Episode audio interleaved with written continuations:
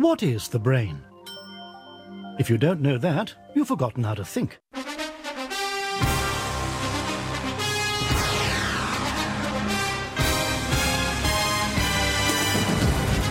Please ensure you have your copybook at hand, as you'll be asked to take down notes from the screen at various points throughout the program.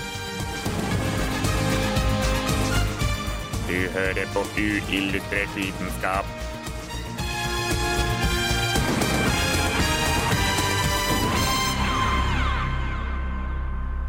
Tenk deg at du en gang i livet er i en alvorlig medisinsk situasjon. Kanskje har du kreft eh, som legene nærmest har gitt opp å behandle videre.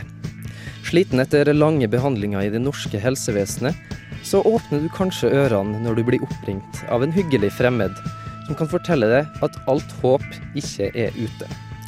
Har du prøvd behandling med misteltein, f.eks.? Eh, Omega-fettsyra, eller hva med det mystiske stoffet B17? Du veit kanskje ikke hva alle disse stoffene gjør for noe, men har du råd til å la være å prøve?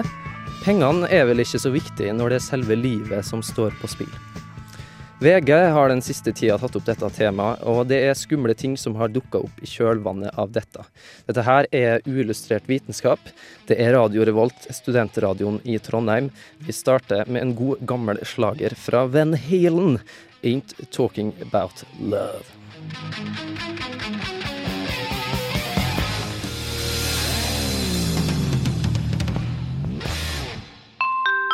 Radio Revolt på FM 97,9. Og det er Van Halen på FM 97,9 Radio Revolt. Du hører på Uillustrert vitenskap. Mitt navn er Erlend Grytli Tveten, og jeg har med meg Susanne Sandell. Hei. Og Ole Eivind Sigurd. Hei, hei. Uh, Susanne, kan ikke du fortelle oss litt uh, hva skal vi fokusere på uh, denne sendinga? Jo, eh, vi møttes jo på lørdag, vi tre, og vi fant ut at sendinga vår i dag skulle handle om eh, placeboeffekten. Eh, hovedsakelig. Fordi eh, Ja.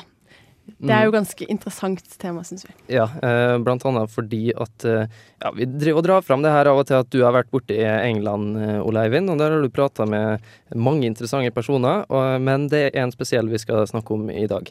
Ja, det er en ja, journalist og forfatter som heter Simon Singh, som skrev en kritisk artikkel da, om kiropraktikk, eh, og eh, ble saksøkt av den britiske kiropraktikkforeningen.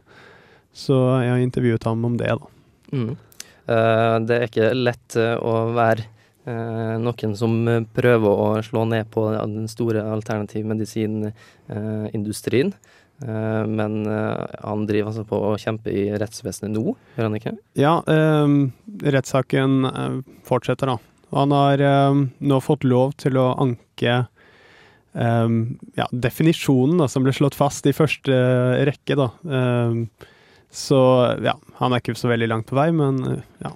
Vi får håpe at det, det går bra. Det skal vi høre mer om seinere i sendinga. Vi får også eh, besøk, det skal vi eh, få inn i studio etter neste låt, av Stig Slørdal. Han er dekanus på Det medisinske fakultetet her ved NTNU. Han skal fortelle oss litt om placebo, eh, og også eh, kanskje om han kan kommentere litt om denne Simon Singh-saken.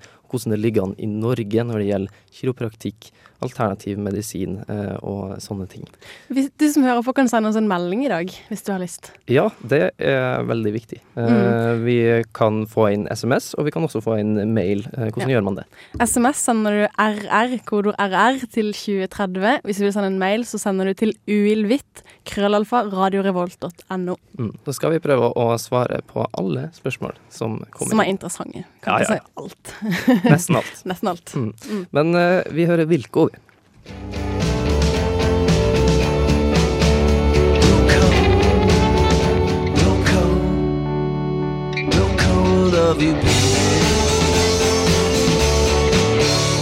Radio Revolt med Kure er vel ikke akkurat skabb, men uh, det er vel det nærmeste du kommer på radio.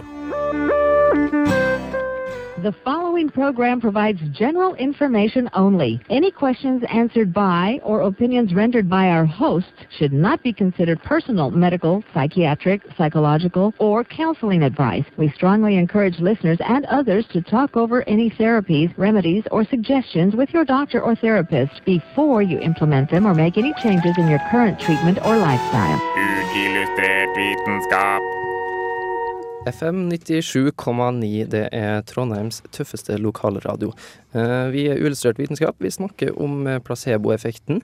Vi skal snakke litt om alternativ medisin, og inne i studio så har vi fått besøk av Stig Slørdal. Han er dekanus ved Det medisinske fakultet ved NTNU. Eh, Og vi lurer på, kanskje du kan forklare oss litt hva placeboeffekten egentlig er for noe?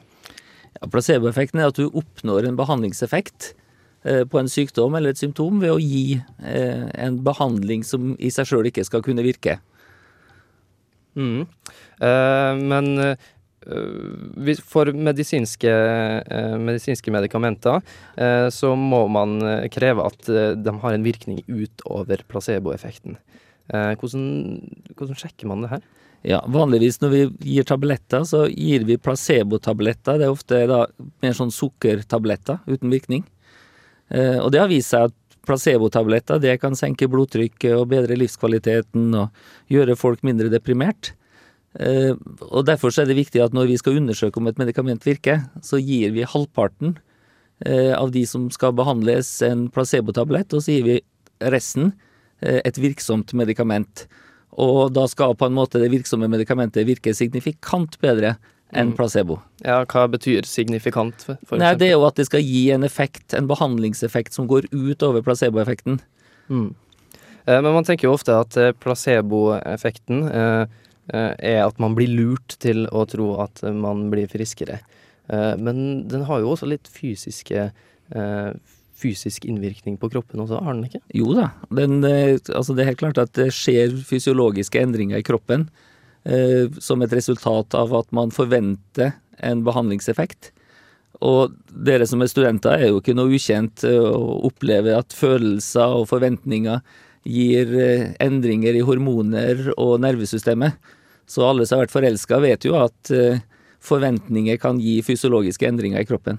Mm. eh, Så har man egentlig eh, funnet ut hvilke mekanismer det er som, som styrer placebo, eller er man litt i det blå?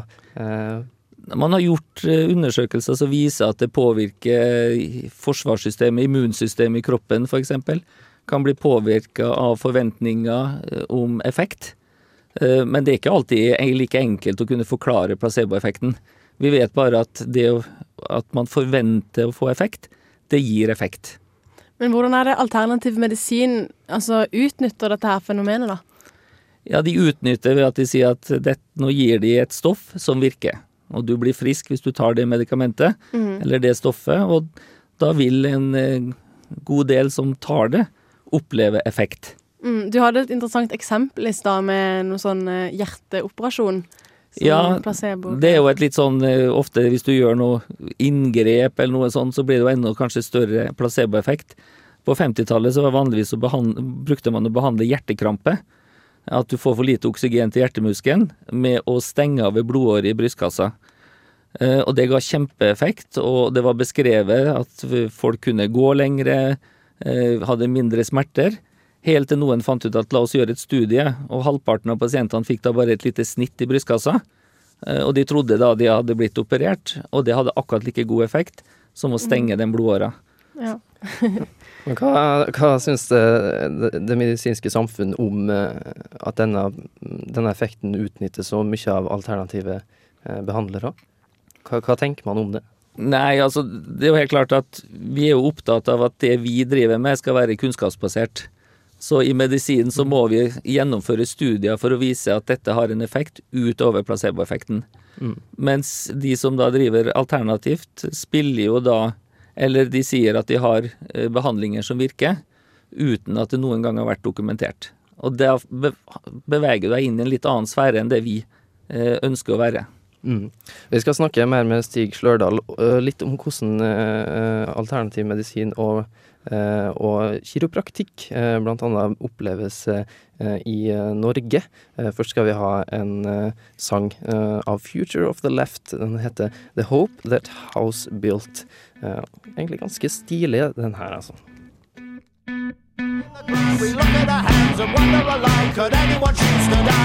Du hører på Radio Revolt, studentradioen i Trondheim.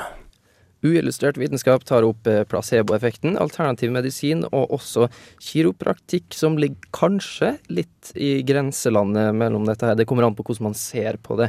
Uh, Ole Eivind, du har lest en studie om hvordan kiropraktikk blir sett på i Norge. Ja, det var um, en analyse av uh, to studier, Rose og Europabarometer, som uh, så på nordmenns forhold til forskjellige alternative terapier.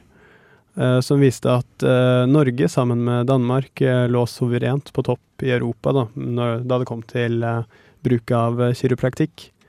At 11% av menn og 14% av kvinner hadde vært hos kiropraktor det siste året. Mens i andre land så var det snakk om 2-3% altså Det sier jo litt om at eh, nordmenn kanskje har ekstra stor eh, tro på kiropraktorer. Ja. Eh, om det har noe historiske eh, grunner, det veit vet vi ikke helt. Men vi har fortsatt eh, Stig Slørdal fra Det medisinske fakultet på besøk her. Og hva tror du grunnene kan være til at nordmenn er så glad i kiropraktorer? Nei, jeg tror at kiropraktikk er kanskje blitt en mer akseptert metode, og at folk regner med at det er en mye mer dokumentert metode enn det kanskje er. Og så kan det være litt med profilen til kiropraktorer i Norge, at de konsentrerer seg om muskel- og skjelettlidelser og behandler ikke mange andre mulige tilstander. Mm. For det er også Ole Eivind, andre, eh, andre sykdommer som blir behandla av kiropraktorer i andre land, som kanskje ikke blir behandla i Norge. Ja, altså helt opprinnelig så var jo kiropraktikk eh, en behandlingsform som kunne kurere alt, fordi du hadde sånn livsenergi som gikk gjennom ryggraden, som het innate intelligence, eh, som kiropraktoren manipulerte. Um, og det er fortsatt noen såkalt straights som mener at praktisk talt alt kan fikses. Dette er da stort sett i USA og litt i England og sånn. Um, men så har du da mixers, og så har du reformed, som ja, toner dette litt ned. Men hva med de norske kiropraktorene? Er de, eh, er de litt inne i varmen, på en måte? Ja, det er jo ikke uvanlig at det henvises til kiropraktorer fra allmennpraktikere. Sånn at uh, i Norge så er nok kiropraktikk mer akseptert enn det er i en del andre land. Mm. Uh, Ole Eivind har jo vært i London og snakka med en som heter Simon Singh. Han har hatt problemer med de britiske kiropraktorene. La oss høre hvordan det gikk. Simon Singh er en forfatter, journalist og TV-produsent. Til tross for at hans utdannelse er innen partikkelfysikk, har han de siste årene blitt stadig mer opptatt av alternativ medisin. I 2008 utga han boken Trick or Treatment sammen med Edzard Ernst, der de gjennomgår den vitenskapelige litteraturen for en lang rekke alternative behandlingsformer. I got interested in alternative medicine because I could just see so much misinformation. I saw TV programs that gave a misleading impression. I saw advertising that was misleading. I saw magazine articles so much misinformation that I thought, you know, let's look at the evidence. Let's let's sit down, look at the research because there has been a huge amount of research. Something like homeopathy has had over 200 clinical trials. So the, the idea of the, the book was to say, let's look at the research, let's find out what works, because some of it does seem to work. Let's find out what doesn't work. Let's find out what's safe and what's dangerous.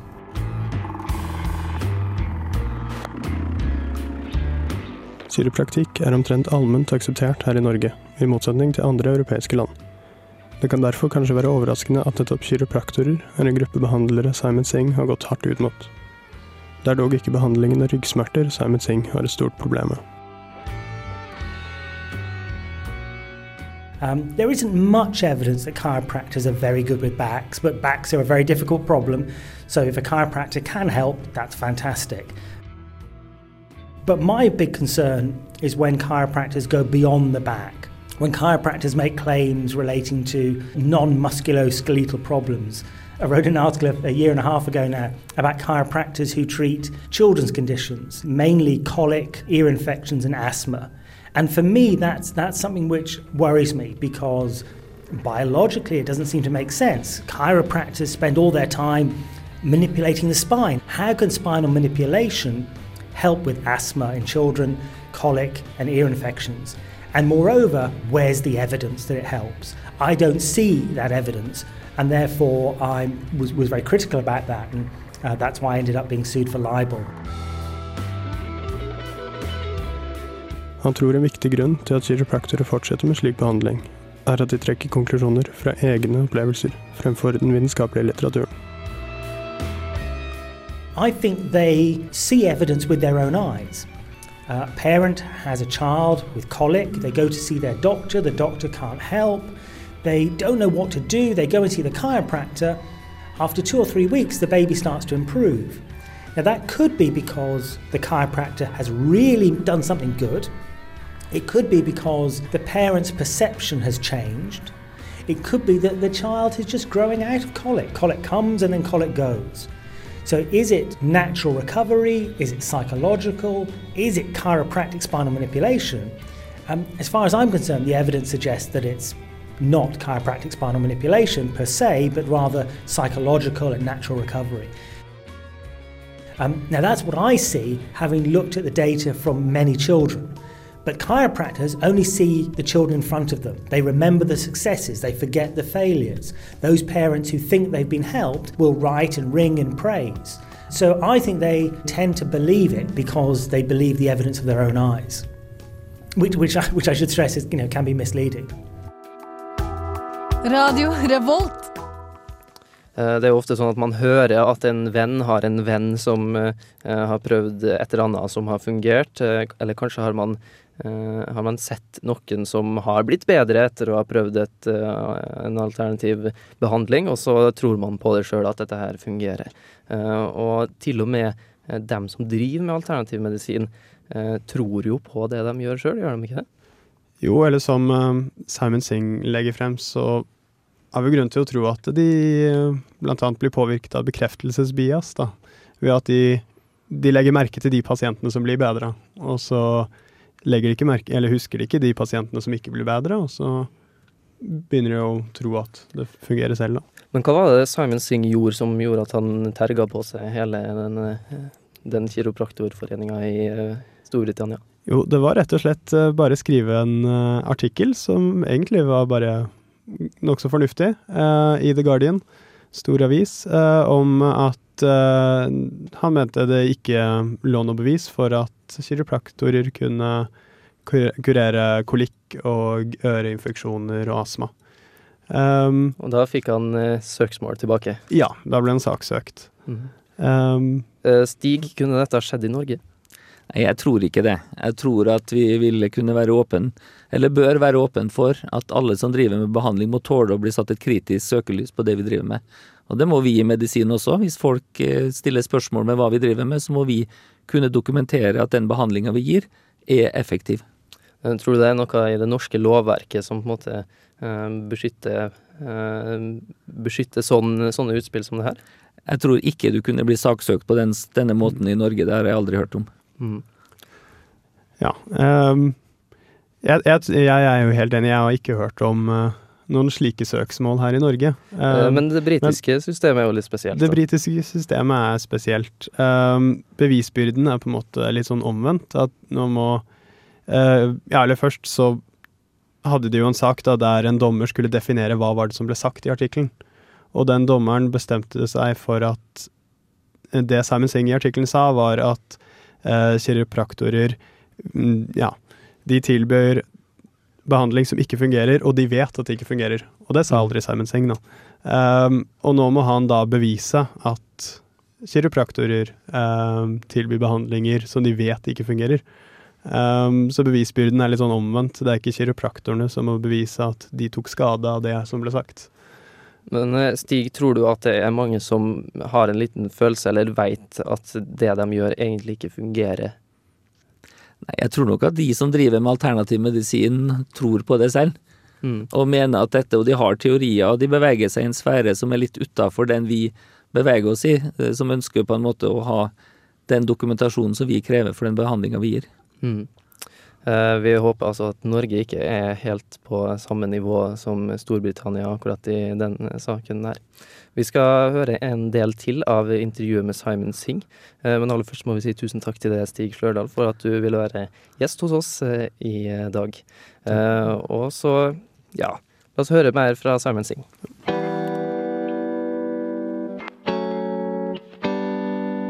Simon Singh har fått mye oppmerksomhet i britisk presse det siste året etter han ble saksøkt av The British Chiropractic Association.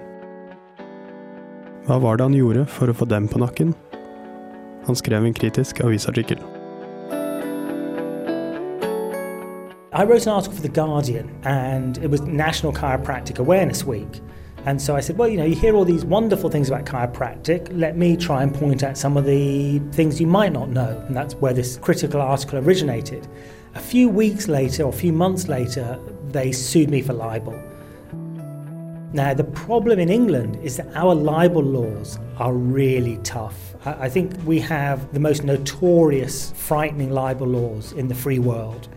For example, anybody can bring a libel suit with, with no real difficulty it's very hard to defend a libel suit because the, the defences aren't as liberal as they are in many other countries. And I am guilty until I'm proven innocent. There's a reverse burden of proof. And the costs are enormous. For a case where the damages might just be £10,000, the costs of the case can be a million pounds. And that can take two years. Journalists who are faced with a libel writ can they afford a million pounds? Can they afford two years of their life? Maybe it's easier just to apologise. So even if a journalist is confident that they're right, they may still back down because of, of the fear of what might go wrong. Mange journalister i slike tilfeller trekker seg, men Simon Singh har valgt å ta opp kampen. I carried on because, one, I think I'm right. Two, I think this is an important issue of, of children's health. Three, I'm very lucky that my books have, have done very well, not, not just in England, but I know in Norway I have a very good publisher. Because of my publishing success, I have the resources to fight the case. Also, I'm self employed, so if I want to take off one year to fight a legal case, I can do that. My co author, Professor Edzard Ernst, we wrote a book together called Trick or Treatment. You know, if he was sued, he runs a large group, a research group. It's much harder for him or other people to defend a libel case. For me, you know, I have the time, I have the resources, I have the passion, I have the belief. And if I didn't fight on, I think it would be almost cowardice on my part. But, but the libel laws don't make it easy. Det har også blitt startet en stor kampanje under navnet Keep Libel Laws Out of Science, med mål om å forandre engelske injurielover. So we've got a, a major campaign now of libel reform. And we've got 17,000 signatures, including people like um, the Astronomer Royal, the Poet Laureate, um, Stephen Fry, Ricky Gervais, Richard Dawkins, Nobel laureates. Huge support from a wide range of people. Så hvorfor bør dette bry oss her i Norge? Vi har jo en helt annen situasjon her. The problem is that our laws affect everybody else in the world. If you publish something in Norway, and it gets read on the internet in England, then you could be taken to court in the English court and face the unfair way that our libel laws are set up and the extortionate costs that go with them. So we're really asking not just for support within England, but support from around the world. Uh, hvis du skal si noe om Buster Rhymes, uh, som du uh, kanskje kan bli saksøkt for Han røyker sikkert masse hasj og selger masse dop, og han er sikkert også en pimp. ja. ja. Jeg, tror han, jeg, tror han, tenker på seg sjøl som en pimp, faktisk. Ja, ja men altså Snoop Dogg er en ekte pimp, faktisk. Put your hands where my eyes Ja. silly with my nine milli with the dilly, yo. When I be on the mic, yes, I do my duty, yo. While up in the club like we while in the studio. You don't wanna violate, nigga, really and truly, yo. Radio Revolt. Og uillustrert vitenskap og FM 97,9 og alternativ medisin og kiropraktikk og Simon Singh, som har da blitt saksøkt av den britiske kiropraktorforeninga. Eh, hvorfor akkurat ble han det? Jo, han eh, skrev jo i den artikkelen sin at uh, det var ikke noe bevis som støttet at kiropraktikk eh, kunne helbrede kolikk og astma og øreinfeksjoner. Men det burde jo være lov å si.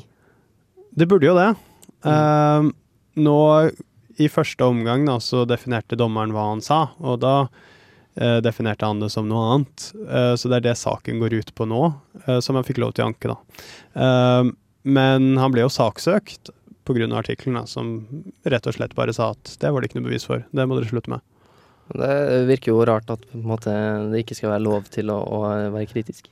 Ja, det, det virker veldig rart. Og eh, altså, det er jo kjempeviktig med en eh, fri, åpen debatt. eh, spesielt i sånn vitenskapelige og medisinske spørsmål. Det er jo sånn man kommer frem til gode konklusjoner. Mm. Um, og da er det dumt hvis noen kan prøve å kneble folk ved å true med saksmøll. Mm. Um, og det er jo ikke sikkert at um, Kiropraktikkforeningen faktisk trodde de ville vinne saken. Um, men britiske injuriesaker er så latterlig dyre at man bruker dem til å slenge det på folk man ikke har lyst til skal trykke det artikkel, og så Kaste jus på det til det forsvinner. Mm. Ja, nettopp. Det er det samme som vi i radioen gjør for å få tilbake konsesjonen vår.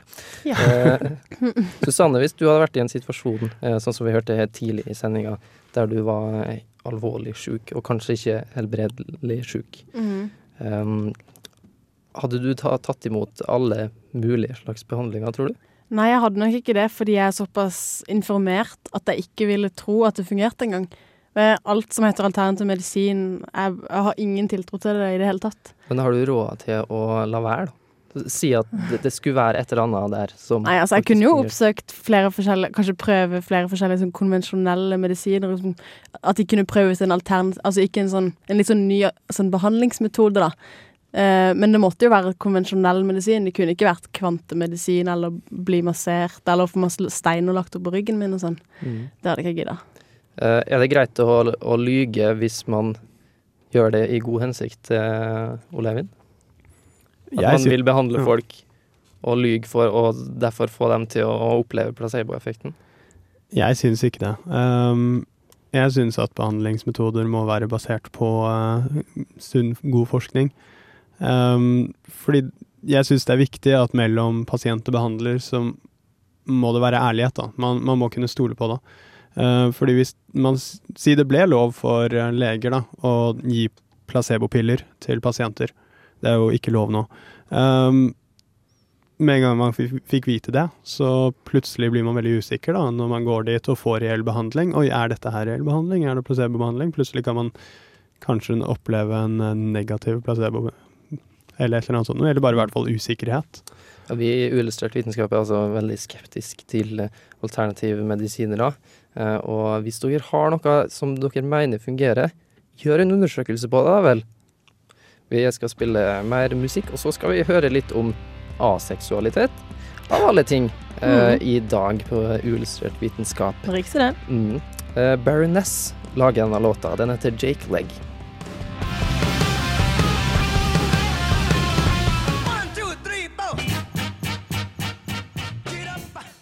Forestill deg å være en tenåring og bare vente på at din seksuelle identitet skal slå ut i blomst, men så skjer det ikke noe. Forskere tror nemlig at det kan finnes en fjerde definert seksuell orientering iblant oss, nemlig aseksualitet. For en aseksuell vil sex, kropp, pikk og pupp virke totalt uinteressant. I en studie fra 2007 ble en gruppe mennesker intervjua, der alle beskrev seg sjøl som aseksuelle. De sa ting som at de kunne sette pris på skjønnhet, men de kunne aldri tenke seg å komme i seksuell kontakt med selv den mest tiltrekkende person. Ifølge psykolog Anthony Bogart ved Brock University kan det finnes flere aseksuelle der ute enn vi tror. I 2004 ble det gjort en studie av britene som avslørte at 1% av befolkninga aldri hadde følt seksuell tiltrekning til noen. Man kan jo sammenligne med andelen homofile, som ligger på 3 siden disse resultatene kom, har en håndfull forskere prøvd å finne ut om dette fenomenet har biologiske årsaker, eller om det blir mer en sosial merkelapp enkelte velger å bruke. Seksuell lyst kan jo gå opp og ned gjennom livet. Manglende seksuell lyst i lange perioder kan f.eks. skyldes antidepressiva eller kromosomfeil eller traumatiske opplevelser. Men om det finnes en fjerde seksuell legning, vil han ikke skyldes slik som dette. Han vil være der fra begynnelsen av. Uansett hva årsaken er, finnes det flust av sosiale fora på nett der aseksuelle kommer i kontakt med hverandre. Ofte kaller de seg heteroaseksuell eller homoaseksuell, som betyr at de kan være i et forhold med et annet menneske, men uten seksuell kontakt. Høres dette interessant ut for deg, så kan du jo sjekke ut asexualpartners.com. Men tilbake til det rent vitenskapelige. Forskeren har jo bare skrapt i overflaten av dette temaet, og man vet for lite til å kunne si noe særlig om årsaken til at enkelte folk ikke blir kåte. Hvis man setter det inn i en evolusjonær psykologisk sammenheng, koker jo hele vår eksistens ned til sex. Og lager kopier av oss sjøl. Ja ja, det er jo ikke som at de aseksuelle formerer seg noe nevneverdig, så vi trenger vel ikke akkurat å bekymre oss for at de ukåte genene de sine tar over. Vi skal ha en ønskereprise her eh, i Uillustrert vitenskap eh, i dag. Det er en spalte som heter Funfact-skolen. Men det er også et lite innslag av en annen spalte vi hadde før i tida, som heter Dødsannonsen. Så det er en litt sånn en kombinasjon av disse to. Men ja, La oss kalle den Funfact-skolen da, med litt innslag av dødsannonse. Eh, det handler om eh, viftedøden fra Korea. Uillustrert vitenskaps funfact-skole. Vær midtpunktet på neste vorspiel.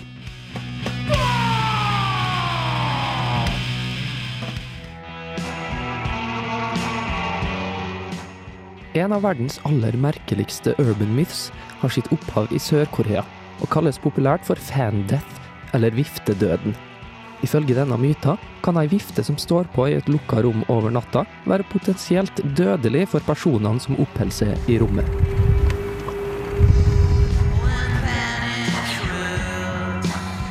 Den koreanske befolkninga sine grunner til at de blodtørstige viftene faktisk tar liv, er mange, men ingen er vel direkte overbevisende.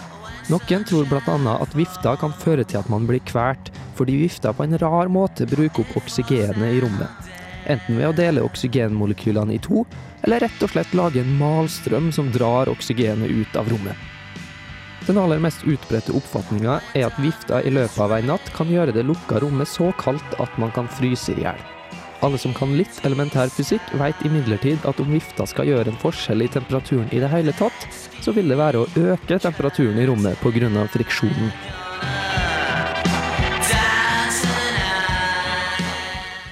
Viftemyter er vidt utbredt, både blant vanlige koreanere og eksperter, og det har ført til mange rare konsekvenser. Blant annet er alle bordvifter som selges i Sør-Korea utstyrt med en timer for å beskytte befolkninga.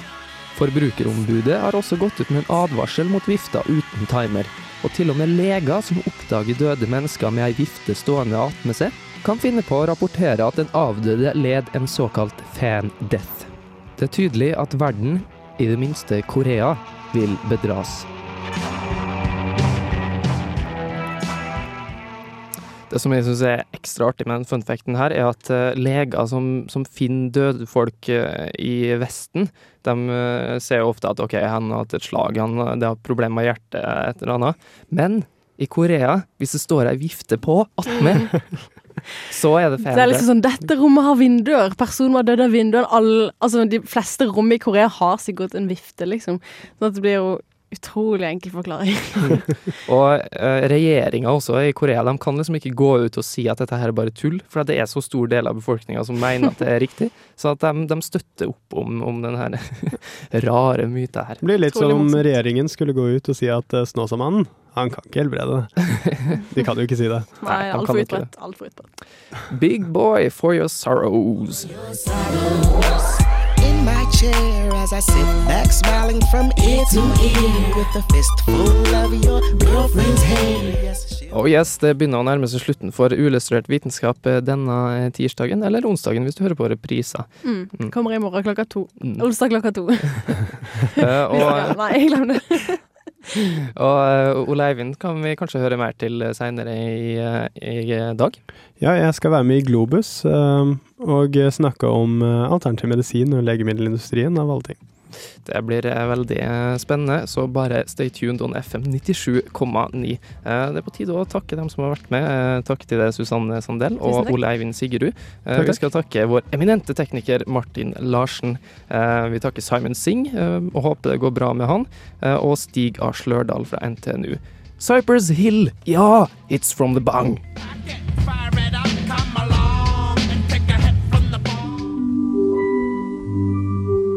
Uillustrert vitenskap er Midt-Norges eneste teknologimagasin på lokalradio. Og vi snakker om alt fra populærvitenskap til sære forskningsprosjekt ved NTNU. Radio Revolt, studentradioen i Trondheim, er stolt av å kunne presentere podkaster fra de aller mest populære programmene våre. Hvis du har lyst til å høre mer fra Radio Revolt, hvem vi er og hva slags musikk vi spiller, så kan du høre oss på FM-båndet i Trondheimsregionen, eller streame sendingene våre live på radiorevolt.no.